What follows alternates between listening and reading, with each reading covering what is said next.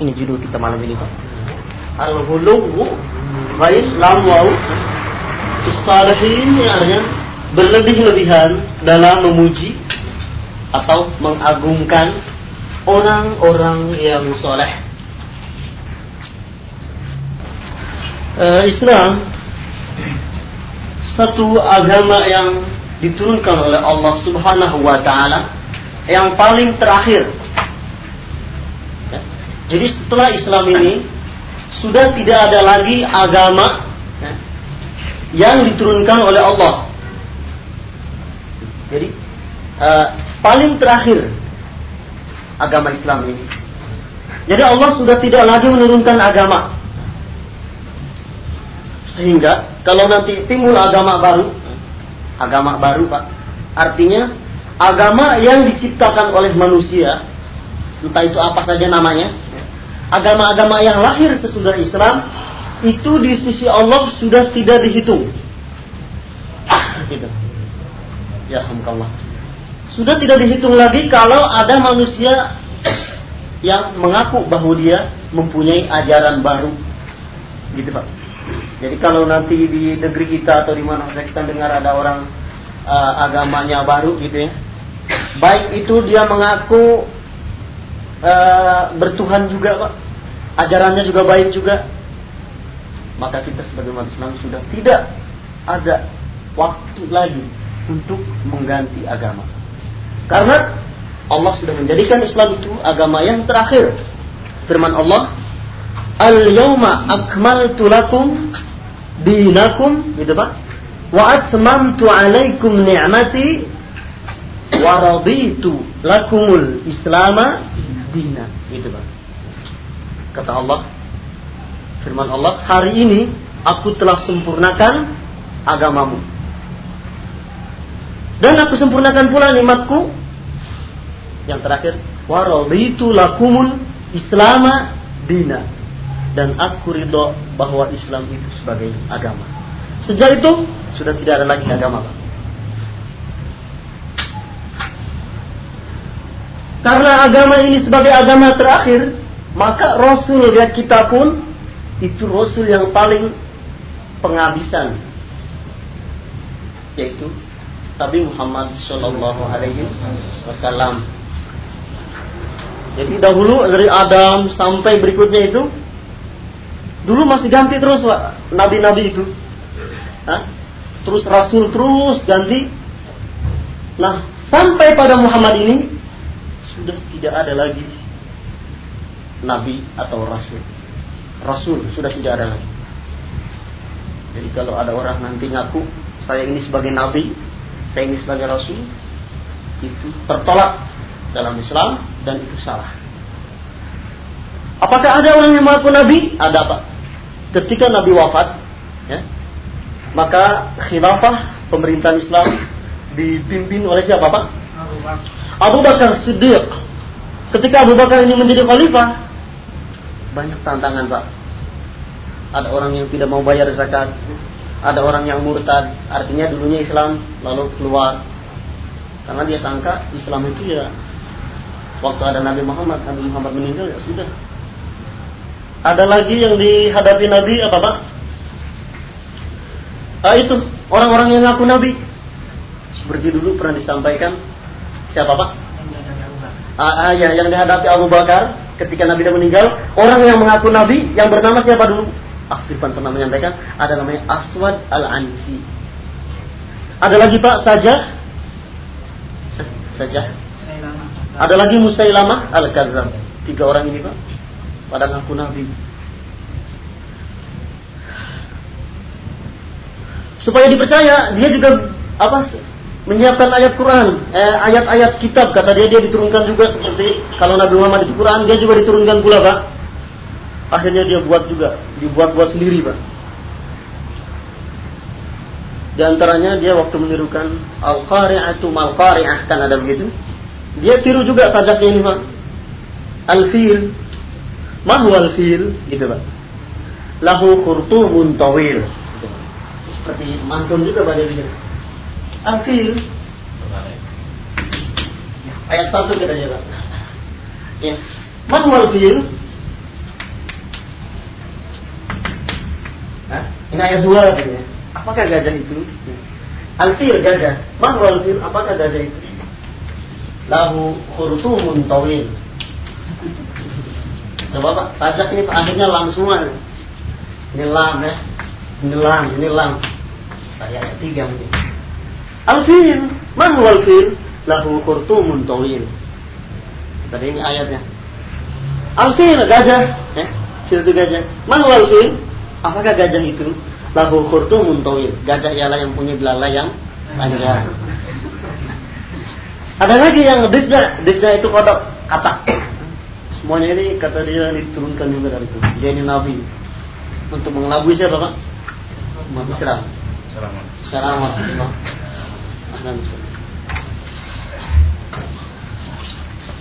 Silakan. Ah, yang jelas segala upaya dia kerahkan supaya mendapat pengakuan ya bahwa dia ini adalah seorang nabi yang diutus oleh Allah. Tapi Abu Bakar bukan orang sembarang orang. Dia jeli siapa musuh-musuh yang akan memporak-porandakan Islam dan siapa yang bakal uh, menyesatkan umat sehingga Abu Bakar memerangi orang-orang ini.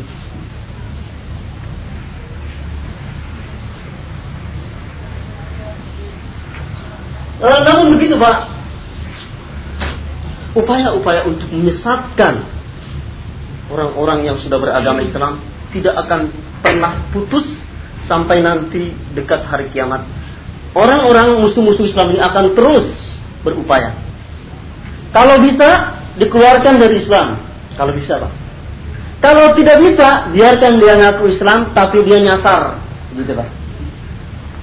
Pakaiannya pakaian Islam. Gak apa-apa, yang penting akidahnya nggak beres lagi, Pak. Akidahnya nggak beres lagi diserong-serongin gitu pak. Ajarannya biar nggak usah murni lagi. Kalau kita membaca buku-buku yang dikarang oleh orang-orang yang bukan Islam, jadi dia pak dalam kuliahnya spesialisnya ilmu Islam begitu pak.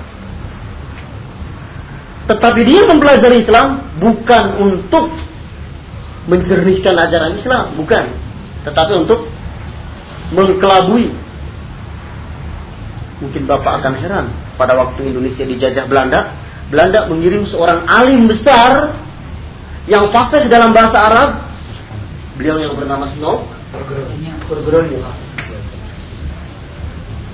Snow, saya kira begitu lah. Paul Brony. Kira begini tulisannya. Ini satu orang Belanda dalam sejarahnya kalau tidak salah dia tamat sastra Arab di Leiden, Pak. Sastranya, Pak. Bukan sekedar bahasanya, sastranya. Lalu memperdalam lagi ilmu Islam. Setelah dia paham benar tentang Islam baru diutus ke Indonesia ya, untuk mengetahui situasi umat Islam di Indonesia. Ya, dia mengetahui kelemahan umat Indonesia ini di mana sebenarnya. Karena dia orang Islam, kedatangan dia disambut, disambut dengan baik. Tetapi selain itu, dia menulis laporan-laporan yang perlu dilaporkan kepada pemerintah pusat di Belanda itu untuk menentukan strategi dia di Indonesia. Bagaimana supaya umat Islam tidak ngamuk. Sehingga waktu itu kalau tidak salah, haji pun disilakan. Karena kalau seandainya haji pun dilarang, Islam akan bergejolak. bergejolak. Untuk mengetahui situ umat Islam ini, dia perlu paham dulu apa itu Islam. Nah, ini artinya orang-orang yang bukan Islam, kalau dia belajar Islam, bukan untuk menyebarkan Islam, tetapi untuk menghancurkan Islam dari dalam. Begitu. Baik, kenapa kita kembali kepada judul ini malam ini? Dan masih dalam sebab-sebab syirik. Syirik ini banyak sebabnya. Ada yang sebab karena orang sudah disesatkan. Ada orang memang sudah disesatkan. Akhirnya terjerumus ke jurang syirik. Ada memang dia Udah diajarinnya begitu oleh orang-orang tuanya yang dulu, oleh semuanya, akhirnya kembali kepada sini. Ini. Kita tahu syirik itu, kita sudah tahu bahwa syirik ini adalah satu dosa yang tidak ada ampunnya selain selain yang lain lah ya. ini syirik ini. Jadi kalau dosa besar yang lain, dosa besar yang lain, ini bukan menganjurkan dosa besar pak. Artinya dosa besar yang lain itu, kalau Allah kehendaki Allah ampuni. Karena Allah yang mengatakan, Inna Allah la yaghfiru ayyushraka wa yaghfiru maduna dzalik. Syirik itu gak diampuni. Tapi selain syirik, kalau Allah kehendaki, Allah ampunkan. Kalau tidak, kita serahkan saja kepada Allah, Pak. Nah. Ya. gitu, Pak ya. Memang susah, Pak, sebenarnya kita. Ah, sebab-sebab syirik sekarang. Sebab-sebab ini. Pertama yang disebut al-hulu. Ini Pak, malam ini kita al-hulu.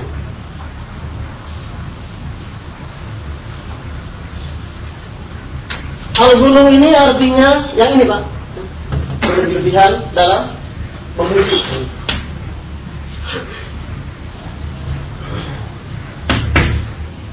Hulu.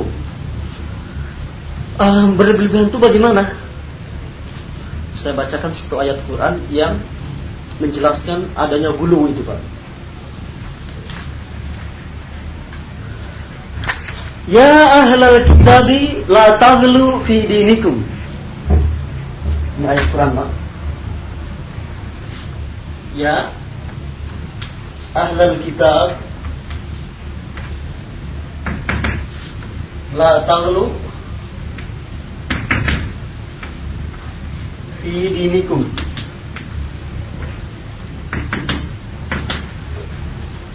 Ini Pak surat An-Nisa.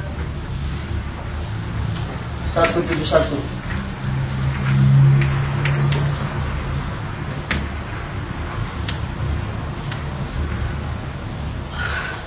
Ya ahlul kitab Ini artinya wahai Wahai ahli Ahli kitab La tazlu fi dinikum janganlah kamu berlebih-lebihan dalam agama kamu itu.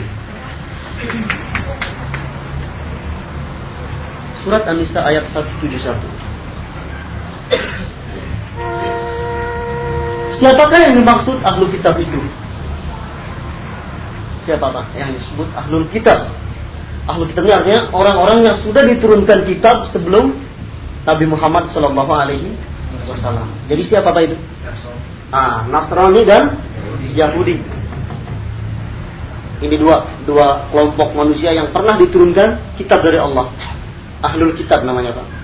Yaitu Yahudi dan Nasrani.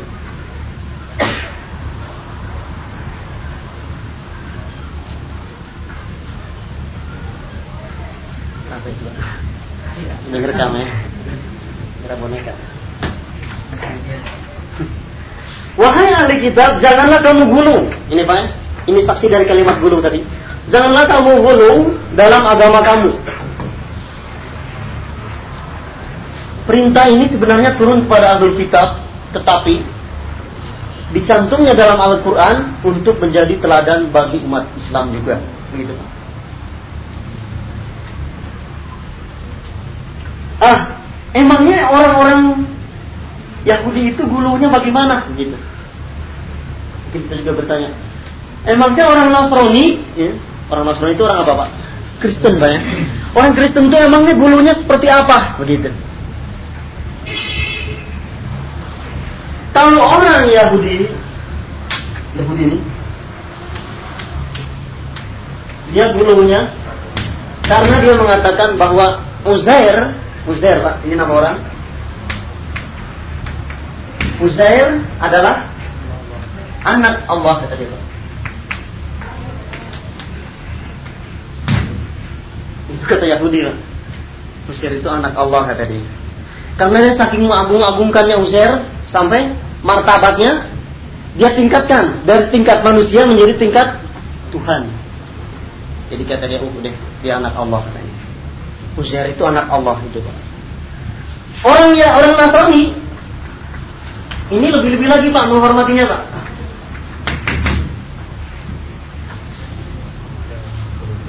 Kalau dia mengatakan anak Allah, tapi orang-orang Nasrani, Isa itu Pak. Dia bukan sekedar anak, tapi dia juga dianggap sebagai Tuhan. Anak atau Tuhan. Tuhan Isa. Ah, jadi anak Tuhan gitu atau dia sendiri bukan anak, dia sendiri adalah Tuhan gitu. Jadi Tuhan terdiri dari tiga oknum gitu pak. Ada Tuhan Bapak, ada Tuhan anak gitu ya. Kalau Tuhan Bapak itu Allah katanya. Allah yang kita percaya itu. Ada Tuhan anak, ada Tuhan lagi Ruhul Kudus. Ada yang mengatakan Maria, Maria. Anak Allah, anak Tuhan ya.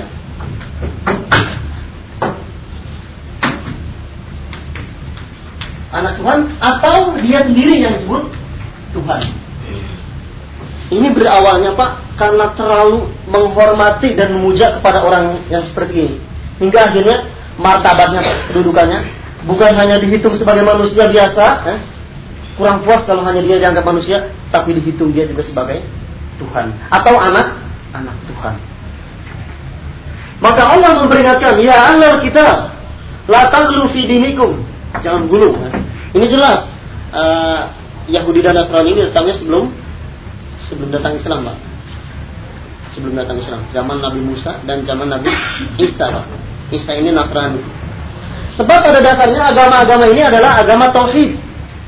Agama yang menyembah Tuhan itu cuma satu atau disebut monoteisme. Cuma di belakang hari para pengikutnya inilah yang gulung, gitu Pak ya, yang gulung. Nah sekarang umat Islam kok dilarang juga gulung kesolihin. Emang kenapa? Gitu kan ya. Emangnya kenapa umat Islam dilarang memuji-muji orang-orang yang soleh? Ini yang berlebihan Pak katanya, bukan sekedar memuji. Kalau kita menghormati kiai kita, menghormati orang-orang soleh, itu memang ajaran Islam. Ya? Tetapi yang dilarang ini berlebih-lebihan. Sampai lebih banget. Ya. Di sini Allah ingatkan dalam surat Nuh Surat Nuh Pak. Nuh ayat 23. Di sana disebutkan wa qalu la tazarunna alihatakum wa la tazarunna waddau wa la suwa'u wa la yahusa wa ya'uqa wa nasra Di sini nanti disebutkan ada sebab-sebab adanya patung, Pak. Adanya patung, sonam. Gitu. Jadi patung itu bukannya ada sejak zaman-zaman sekarang ini saja. Jadi diceritakan sejak zaman Nabi Nuh. Sejak zaman Nabi Nuh alaihi salam. Di sana ada orang-orang soleh, lima orang pak. Tadi namanya itu pak. Nama yang pertama adalah Wadda. Ini masih ini masih sebab pertama, ya. Namanya Wadda. Atau Wad gitu. Wad. Adanya dua Pak, kena tasbih. Wad. Orang soleh ini, nama orang soleh. Yang kedua namanya Suwa. Suwa. Ini nama-nama ini ada dalam surat ini Pak, surat Nuh ayat 23. Satu lagi namanya Yahus. Yahus.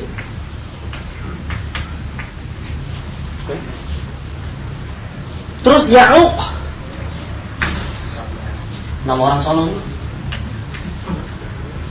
Ya'uq. Satu lagi namanya Nasr.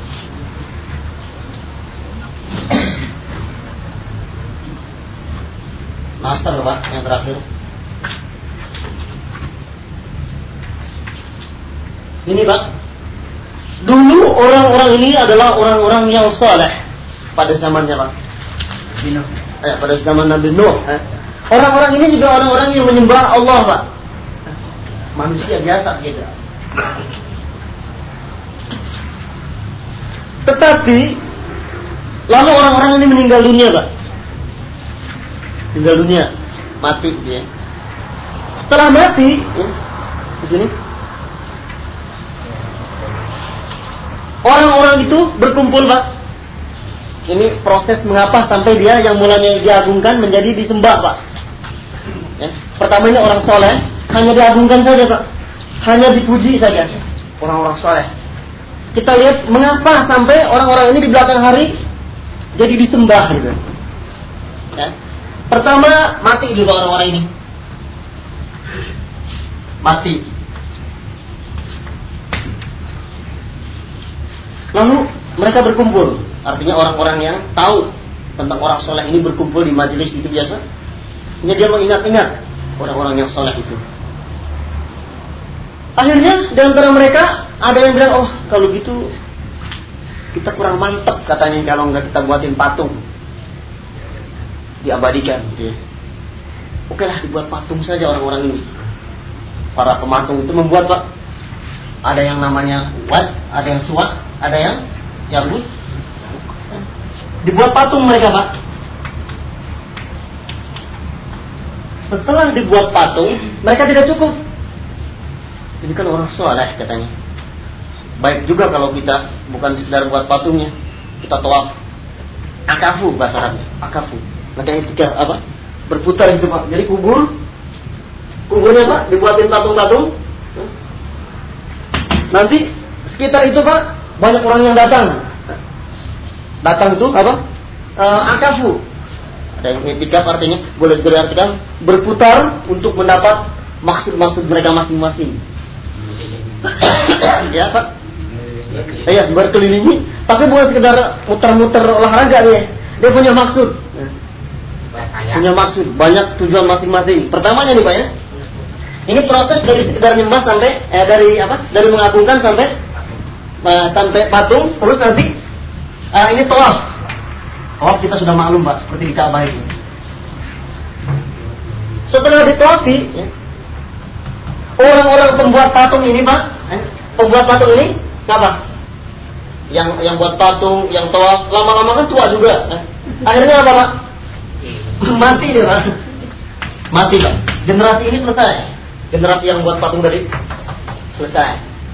Setelah selesai datanglah generasi. Generasi baru. Sementara patung-patungnya masih masih ada. Mereka generasi baru bertanya, apa ini? Ya. Maka mereka akhirnya sampai pada satu kekaguman yang sangat memuncak yang akhirnya mereka sembah. Mereka sembah. Maka jadilah patung-patung ini kalau orang ini dijadikan sebagai pelantara, Pak. Kalau yang pertama ini, saya punya maksud sampai ini sama Allah. Nah, nanti saya kalau sudah ini saya bawa sajen apa saja diperlukannya saya datang asalkan maksud saya tercapai. Ah ini mereka-mereka ini sudah tidak ada. Waktu ini masih masih menjadi wasilah saja, masih menjadikan uh, pelantara. Tetapi generasi berikutnya sudah bukan sekedar pelantara, justru orang-orang ini yang dijadikan sebagai Tuhan. Coba Pak, proses menjadi sembahan ini pertamanya cuma ini Pak al-hulu. Jadi kagum. Al-Quran mencatatkan ini dalam Al-Quran. Ini kisah zaman-zaman dahulu. Supaya dijadikan pelajaran oleh umat Islam. Yang artinya, kalau ada orang-orang yang kita anggap mulia waktu hidupnya, eh, maka walaupun begitu dilarang oleh Islam untuk menjadikan kuburan itu apalagi itu dalam Islam pak dalam Islam ya. Kalau kita lihat adat di tempat kita ya udah memang lain lagi pak itu adat pak ya. Dan Islam itu kuburan itu hanya satu ini pak shibran bahasa Arabnya. Dalam hadis shibran itu. Sejengkal itu mengapa Islam sampai melarang begitu karena takut di belakang hari kuburan ini orang akan lihat kuburan siapa nah, nanti dibuat orang memuja-muja di sini maka dilarang membangun membangun kubur itu dalam Islam pak jadi kalau bapak nanti kalau bapak berdalipan di sana, ah itu jadi nilai mbak ya. Kita lihat bicara soal Islam. Kalau bapak lihat di sini, ya, kita coba bapak lihat di mana ada kuburan yang ada musolanya sampai misalnya di sini. Tidak ada pak. Nah, karena bukan hanya di kos ini, sampai kuburan orang-orang pahlawannya gitu pak ya, termasuk kerajaannya juga. Ya sama seperti itu. Assalamualaikum. Assalamualaikum warahmatullahi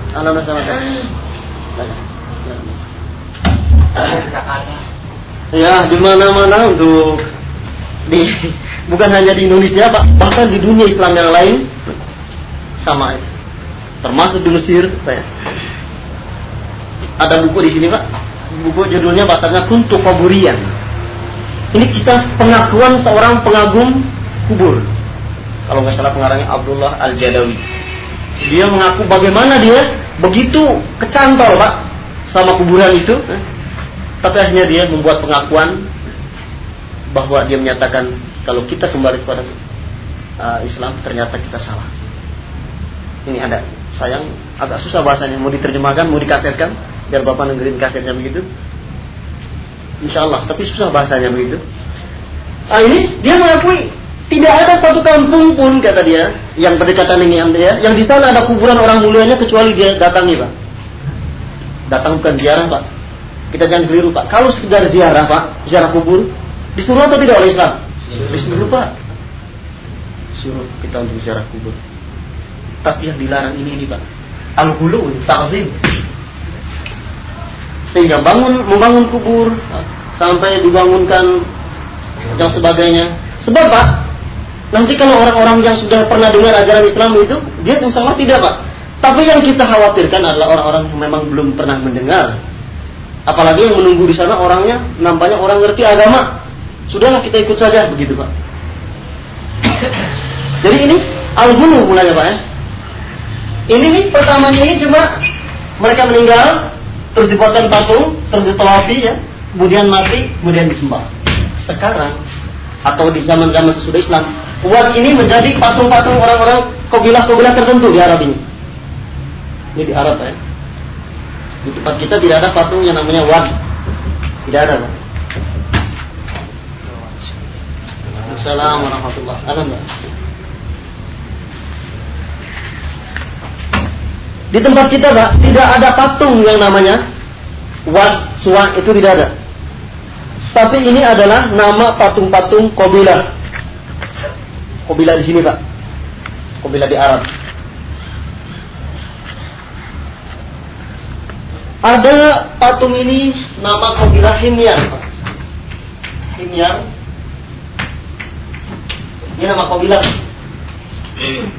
Jadi tertentu, tidak semua orang ngaku ini Tuhan saya yang satu-satu dia ini. Kabilah Himyar, Himyar Dil Kilah, ini dia katakan bahwa patung dia itulah yang namanya Nasr. Itu pak.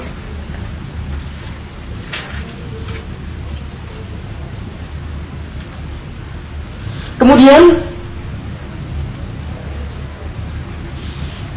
ada Wad, ada Suwa, ada Yahud, ada Ya'uk.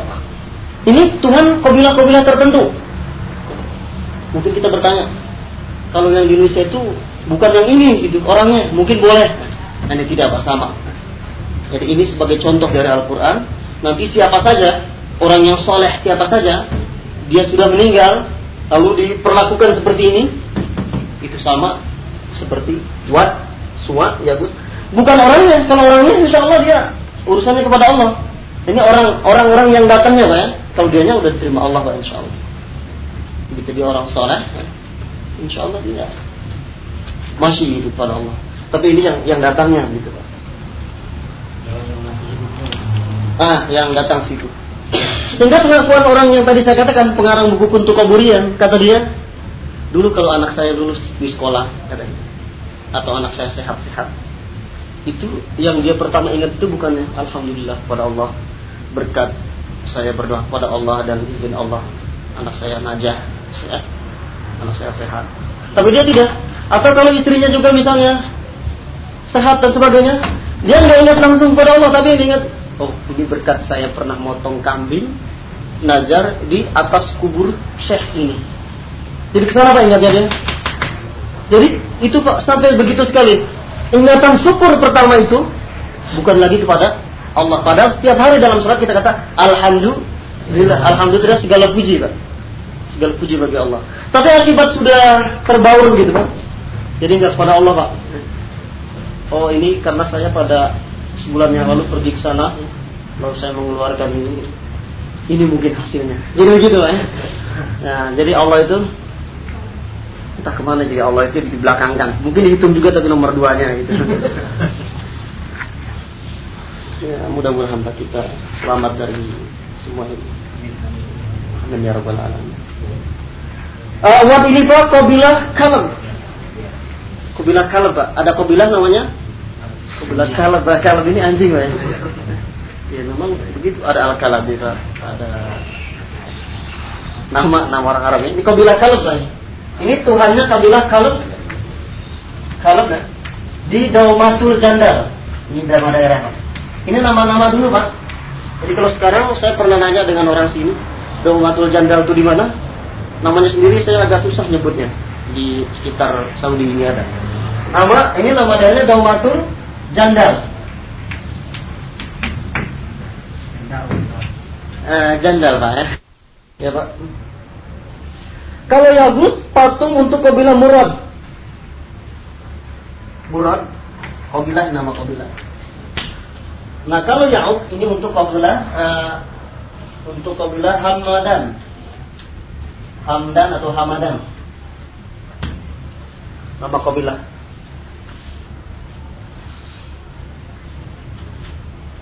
Jadi sampai begini sekali orang-orang soleh akhirnya dijadikan patung dan disembah. Nah, jadi masing-masing Tuhan kamu siapa? Tuhan saya Wad gitu ya. Kalau kabilah sana tanya Tuhan kamu siapa? Nasr.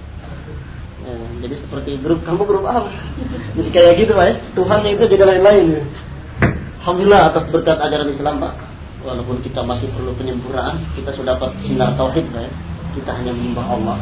Tidak lagi al-ghulu walaupun kepada orang-orang yang soleh. Uh, sampai Nabi sendiri pak mesen nama umatnya, mesen ke wanti-wanti. Gitu apa pak? Wanti-wanti gitu ya? Nggak tahu itu yang masuk ke sana gitu ya. Pesen wanti-wanti banget gitu ya. Kata Nabi kata gini namanya lata peruni ini pesannya supaya ditulis ya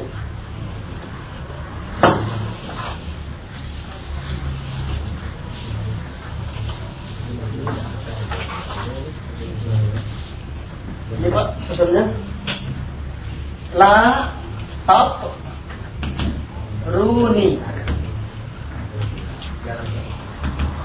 Coba ini hadis Nabi, ya. La tatruni ya.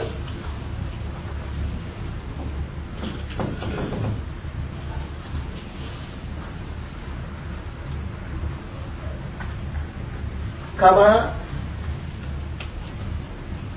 atraf bahasa Arabnya ada atraf ini atrafin nasar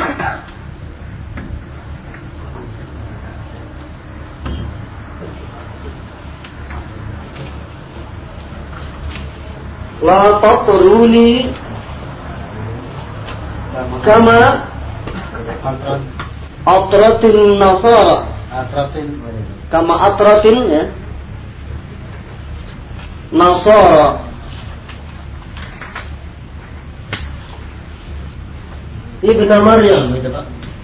Ibnu Ibnu Pak. Ibnu Maryam. Kama atratin nasara ibna maryam ya. Innama ana abdun. Innama.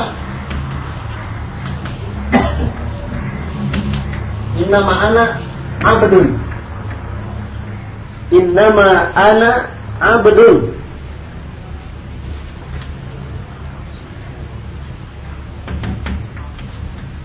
Fakulu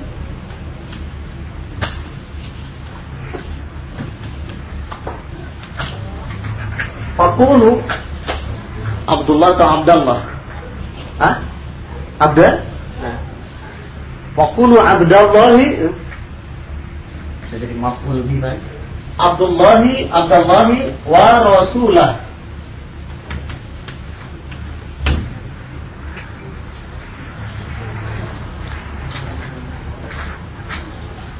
Itu Pak ya? Ini hadisnya Pak Oh, iya ini rawahunya Bukhari wa Muslim. Ya, mantap benar kalau dua orang ini. Rawahul Bukhari wa Muslim. Jadi Pak derajat derajat perawi hadis Pak. Muslim asli. Uh, apa? Muslim asli. Iya, Muslim asli. Derajat perawi hadis itu yang paling tinggi pak itu Bukhari dan Muslim. Bukhari itu yang riwayat hidupnya dicatat dalam buletin kemarin pak. Bukhari itu orang orang mana pak orang Bukhara sekarang di bawah kekuasaan Soviet. Ini derajatnya paling terpercaya. La tatrun ini artinya janganlah kamu sama ini seperti bunuh juga pak artinya. Saya tidak tulis kalau bapak mau ini silakan. Janganlah kamu dalam eh, janganlah kamu berlebih-lebihan eh, dalam memuji dan mendustakan. Ya, ya. Janganlah kamu berlebih-lebihan dalam memuji dan mendustakan aku, kata Nabi. Janganlah kamu berlebihan dalam memuji aku. Eh? Karena atau Nasoro, sebagaimana orang-orang Nasrani terlalu berlebih-lebihan eh? dalam memuji Ibnu Maryam. Ibnu Maryam ini siapa Pak? Anak Maryam. Anak Maryam yaitu Isa. Yang oleh orang-orang Kristen disebut siapa Pak? Anak Allah. Anak Allah atau Yesus yang disebut. Kalau dalam tulisan Arab biasa mereka sebut Yesus. Yesus Kristus. Ya sebagaimana orang-orang Nasrani telah berlebihan dalam memuji Ibnu Maryam, "Inna ana abdun," kata Nabi Pak, "Inna ana abdun." Sesungguhnya anak saya abdun. Abdun itu artinya hamba. Saya ini hamba biasa. Fakulu, maka katakanlah, maka katakanlah, Abdullahi wa Rasulah. Saya ini hamba Allah dan Rasulnya. Ini tercermin dalam Washadu anna Muhammadan Rasulullah. Ini Nabi sendiri bilang begitu. Jangan berlebihan dalam memuji. Maka umat Islam seharusnya kepada nabinya itu apa? Umat Islam kepada nabinya disuruh menghormatinya itu dengan membaca salawat Pak. Baca salawat ya. ya di, dengan ittibaan dari Rasul SAW mengikuti ajaran-ajarannya. Inilah yang dimaksud mencintai Rasul.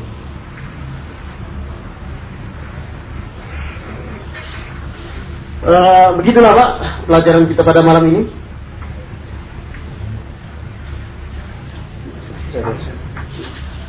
Uh, jadi kesimpulannya ini bukan bukan sebab-sebab Pak baru satu ya. Baru satu penyebab syirik. Masih banyak lagi Pak.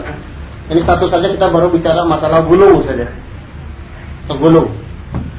Uh, kesimpulan dari materi pelajaran malam ini bahwa Allah Subhanahu wa taala melarang kepada umat manusia ini khususnya kepada umat Islam sekarang ini agar tidak ikut-ikutan seperti apa yang telah dilakukan oleh orang-orang Yahudi dan Nasrani. Orang Yahudi misalnya telah mengatakan bahwa Uzair itu adalah siapa Pak? Uzair itu anak Allah.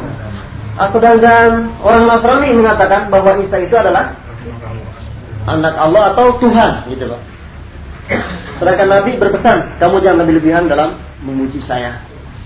Nah ini nama-nama patung, nama-nama orang soleh yang beralih menjadi patung, yang akhirnya menjadi di, disembah. E, kita hanya dapat berdoa kepada Allah Subhanahu Wa Taala. Semoga Allah bersihkan akidah kita dari hal-hal yang merusak akidah kita dan dijauhkan dari apa-apa yang membatalkan keislaman kita. Uh, cukup sampai di sini, Pak. Uh, mohon maaf yang sebesar-besarnya atas apa yang disampaikan ini kalau ada kekeliruan dan sebagainya. Wabillahi taufik wal hidayah. Wassalamualaikum warahmatullahi wabarakatuh.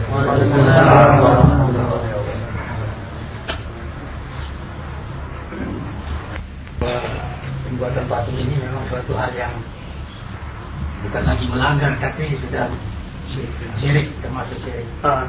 Apakah pendapat ulama kita di Indonesia yang membuat patungnya Soekarno dengan Hatta. Apakah tidak ada pembahasan yang membaca itu sebenarnya? Ataukah dibiarkan aja sesukanya? uh, gitu Pak ya. Memang satu hal yang perlu kita ketahui juga. Uh, sebaliknya saya, artinya dalam hal ini, kita harus baca sejarah Pak ya. Atau paling tidak ada bapak-bapak kita yang tahu misalnya. Uh, cuma yang jelas dalam hal ini, apakah ulama kita punya sikap atau tidak dalam hal ini uh, atau atau ada ikhtilaf gitu ya tapi sebenarnya ini ikhtilaf ini kemungkinannya kecil sekali ya jadi kan ikhtilaf itu biasanya yang orang yang masih ragu-ragu tapi yang udah jelas-jelas sebenarnya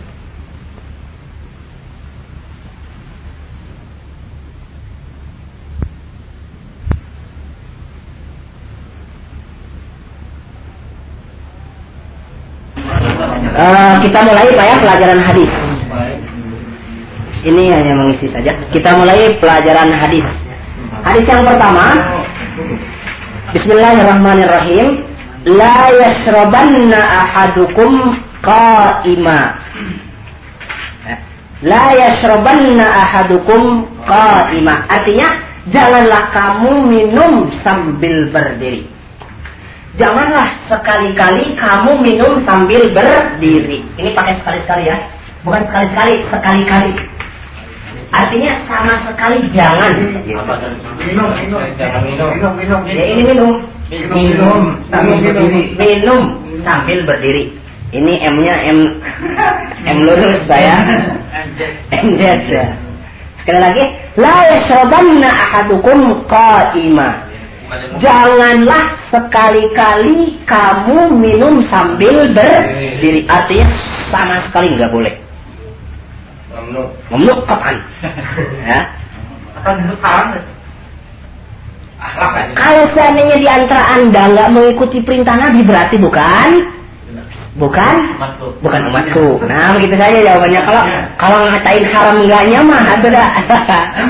Minum Pepsi nggak apa-apa. Iya jalan aja. Namanya minum Pepsi, tim, Belinda, teh. Ya apalagi sambil berjalan orang sambil berdiri aja nggak boleh. Berhenti jongkok dulu kenapa? Enggak, enggak keburu waktunya. Allah. Kalau nggak keburu bawa dulu. Bawa dulu ke mobil sambil nyetir duduk namanya. Apa ada yang berdiri pak? Mobilnya yang jalan. Mobilnya yang jalan nggak apa? Itu kan mobil bukan kita. Yang nggak yang dilarang itu manusia. Mobil apa minum pak? Ya minum bensin. Minum bensin ya itu mobil. Ini kita mobil untuk manusia. Tapi kalau kalau makan boleh. Lah ya soban nah ahadukum qaiman minum aja nggak boleh apalagi makan. Nah, Iya itu kencing nggak boleh apalagi berak. Apalagi manusia, yang mobil aja minum harus berhenti dulu. Nah itulah. Itulah. Pak. Sama. lain ngomongnya. Mobil itu kalau minum berhenti dulu. Lambat. Kita baca bersama-sama. La yashrabanna ahadukum qa'ima. Nah, La yasrabanna ahadukum qa'ima. iya, Hasan. La yasra La yasra La yasrabanna ahadukum qa'ima. Nah, La yasrabanna ahadukum qa'ima. iya. La yasrobanna ahadukum qarimun. Mm -mm. La yasrobanna ahadukum kau? Iya. La yasroban la yasrobanna ahadukum qarimun. La yasrobanna ya. La yasrob la yasrobanna ahadukum qarimun. Ah. La yasrobanna ahadukum qarimun. Iya. La yasrobanna ahadukum La yasrobanna ahadukum qarimun. La yasrobanna. Iya. La yasrobanna ahadukum. Nah, Iya, la yasrubanna ahadukum. Iya. La yasrubanna ahadukum. Qaima ya. La yasrubanna ahadukum qaima. La yasrubanna ahadukum qaima. Artinya Pak, janganlah sekali-kali kamu minum sambil berdiri, apalagi sambil berjalan. Rawinya? Rawinya insya Allah minggu, minggu, minggu besok Pak ya. Minggu besok. Ini belum belum saya temukan, belum saya temukan rawinya. Tadi udah saya tanya-tanya, tapi belum ketemu. Kita apakan Pak? La ahadukum qa'imah. Satu. Coba. Pak Yasin. La yasrabanna ahadukum. La yasrabanna. Ah, ah. Bagus. Jangan mulia Pak tuh. La yasrabanna ahadukum qa'ima. Oh, Ima. La yasrabanna Pak Pak Hasan. Jangan baca, jangan baca. Ahadukum ahadukum qa'ima. qaima. ahadukum qa'ima. Alhamdulillah satu tuh Pak ya. Jadi kalau kita udah tahu berarti kita harus doa. Kalau kita masih berdiri juga berarti kita bukan umat Rasul gitu aja.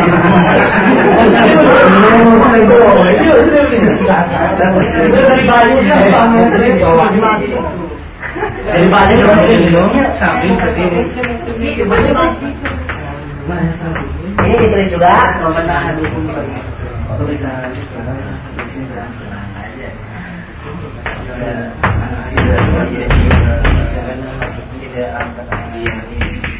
Ini panjang Pak ya? Janganlah sekali-kali kamu main kamu berdiri. Tapi orang marah sini ya, Jangan.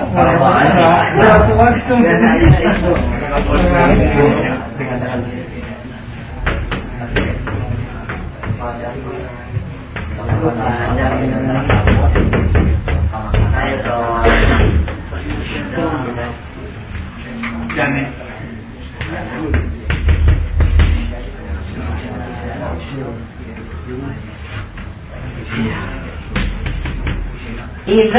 akala ahadukum falyakul biyaminihi wa idza syariba falyashrab biyaminihi fa inna syaitana yakulu wa yashrabu bisimalihi sama ini perawinya insya Allah minggu yang akan datang.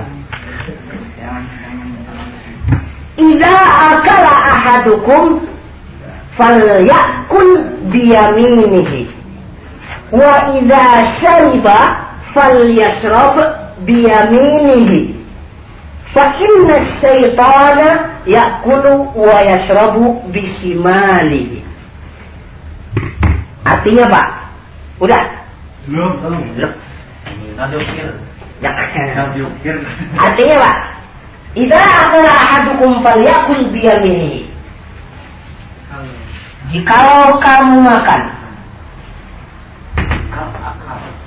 kalau kamu makan, maka makanlah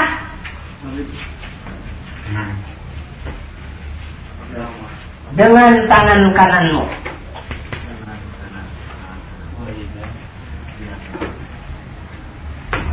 Dan jikalau kamu minum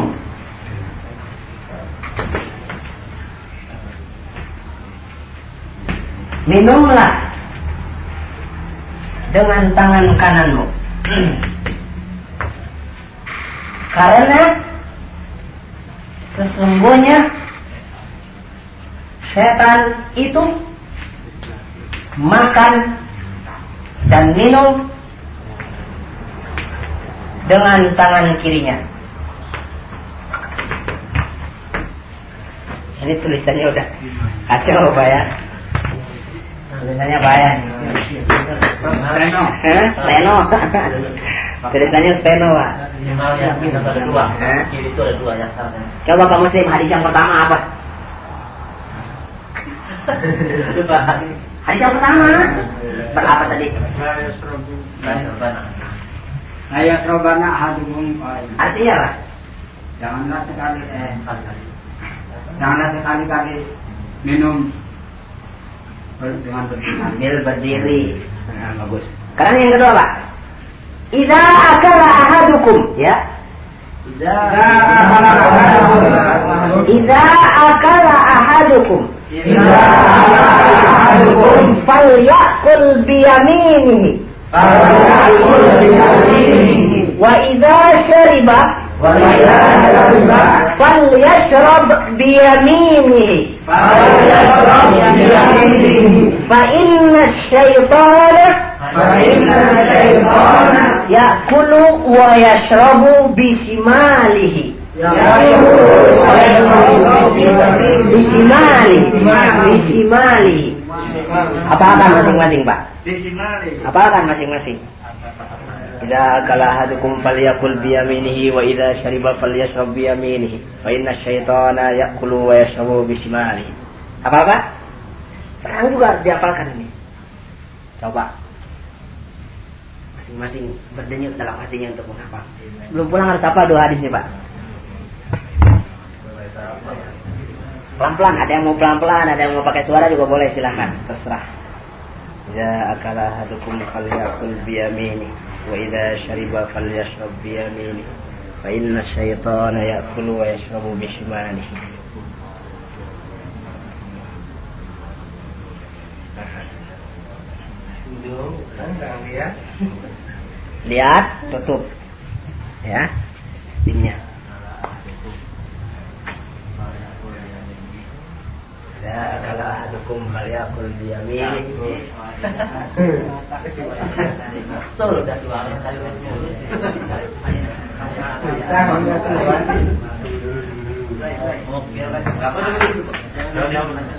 إذا أكل أحدكم فليأكل بيمينه وإذا شرب فليشرب بيمينه فإن الشيطان يأكل ويشرب بشماله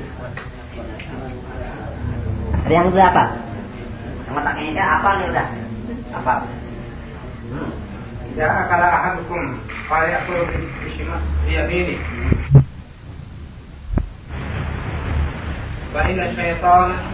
yakul wa yasrab fi shimalihi. Aywa, satu, yang lain. Yang lain lah. Iya ya, boleh. Nah, tidak ahadukum pada akal lah.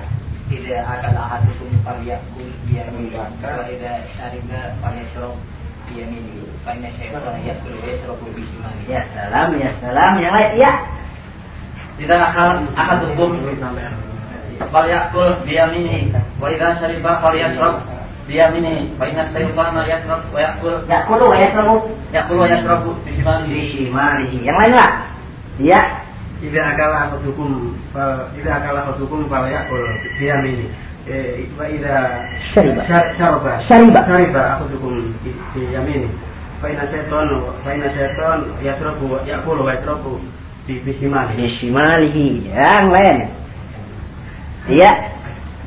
enggak. Tangan. Bapak panjang. Nah, panjang nih yang hadis yang pertama. Siapa yang menghafal hadis pertama? Hadis pertama. Hadis nomor satu. Yang hafal hadis nomor satu. Yang lain yang belum hafal hadis nomor dua silakan hafalkan hadis nomor dua. Yang hafal hadis nomor satu. Hmm. Layas robana ahadukum qaimah. oh iman yang lain Layas robana ahadukum qa'iman nah yang lain Layas robana ahadukum la yasrobanna Layas robana ahadukum qaimah. oh iman yang lain Layas robana ahadukum qaimah. oh iman yang lain Layas Layas robana ahadukum qaimah. oh iman Layas robana ahadukum qaimah. Qaimah. Gampang nomor satu ya. La yasrabanna Udah apa? La yasrabanna ahadukum qaimah. Yang nomor dua. Dibaca tapi panjang gitu kamu baca aja dulu nih yang yang remeng-remeng dibaca. ya. Ida kalau ahadukum bal ya'kul bi yaminihi wa ida wa ida sariba sariba ya, yasrab bi yaminihi fa inna saytana ya'kulu wa yasrabu bi shimalihi. Ya ya. Salam ya. Salam tidak ada kali. Ya yang lain yang mau baca ini remeng-remeng. Ya. Ida kalau ahadukum ka ahadukum fal ya fal ya'kul bi yaminihi wa ida شرب. شرب فليشرب فليشرب. فليشرب بيمينه فإن يس- فإن الشيطان- الشيطان يأكل ويشرب في شماله Bismillah. Artinya Pak. Jikalau kamu makan Nah. maka makanlah dengan diri- eh, makanlah dengan tangan kananmu dan jikalau minum kalau kamu minum minumlah dengan Tangan tanganmu Tangan kananmu. tangan kananmu karena apa? Setan. karena setan sesungguhnya Karena sesungguhnya sesungguhnya setan itu makan dan minum di tangan kirinya dengan tangan kirinya. Paham Pak ya? Tinggal ngapalin. Kita apakan bersama-sama.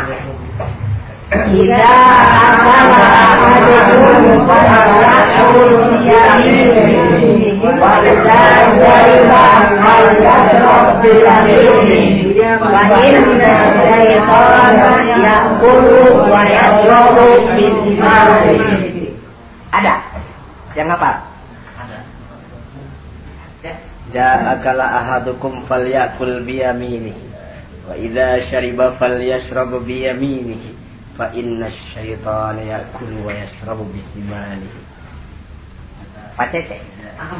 Belum. Pak Yasin. Nah, nanti bisa dihafal di rumah. Tinggal berapa menit lagi. Udah habis Pak ya? Ini artinya hadis yang satu dengan hadis yang kedua ini tentang adab sopan santun minum dan makan.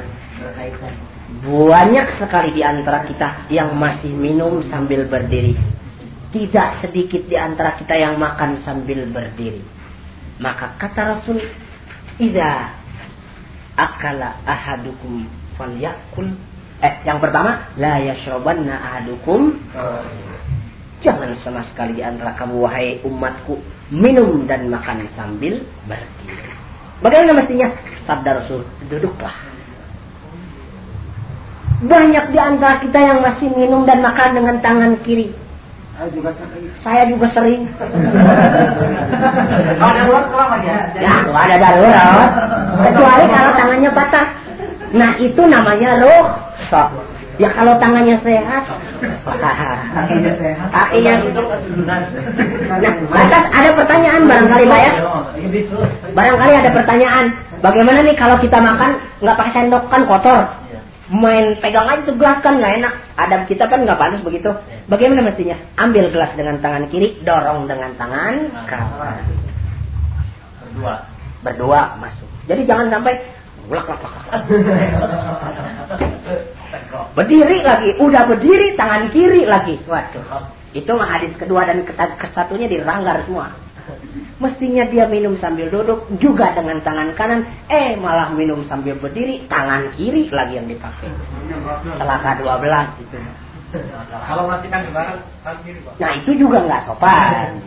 Ya, pakailah tangan kanan dengan baik. Seperti hanya orang-orang sini kalau meladeni sahih, meladeni gahwah, dia tangan kanan dicucurkannya tangan kiri, kasihkan tangan kanan. Kenapa kalau masih kunci kontak itu dilempar? Lah itu sih. itu mestinya kalau ada orang yang begitu mestinya diperbaiki. Bukan, itu mestinya yang pernah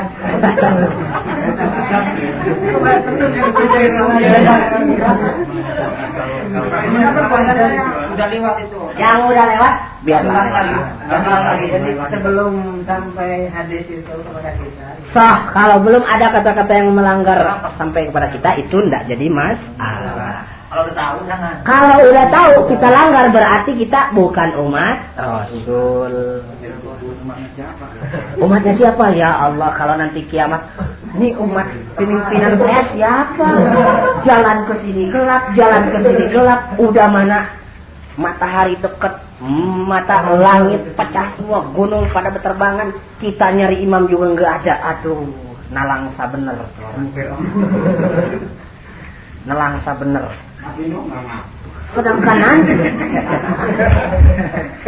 sedangkan nanti di hari kiamat, jangankan saudara, ibu dan anak pun tidak bisa saling membantu. Yang membantu siapa? Amal dan perbuatan serta syafaat Rasul.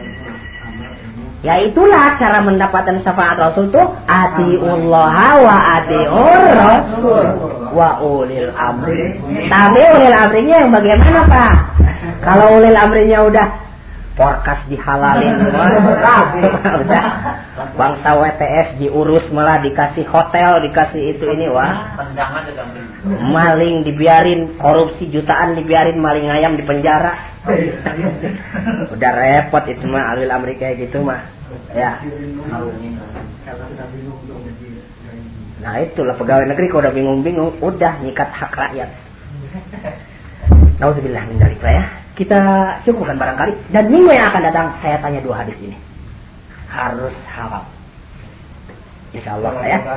Insya Allah jangan nggak datang. Belum apa nggak datang nih. Allah. bulan puasa terus? Bulan puasa terus. Seperti halnya tahun lalu kan bulan puasa terus. Kecuali mendekati Lebaran. Habis terawih. Habis terawih sampai sahur sahurnya di sini. Berjemaah. Setiap malam dulu juga kan Pak? Lupa lagi Pak ya? Lupa. Ya udahlah kita alami lagi nanti insya Allah. Oh beres. Jangan khawatir, tahu tahu kenyang aja. Mau hobus, mau ayam, mau apa juga, mau nasi juga ada disediakan. Kalau rokok mah itu mah diharamin kan di sini mah. Karena setan itu makan dan minum dengan tangan kirinya. Yuk, Pak ya? Hah?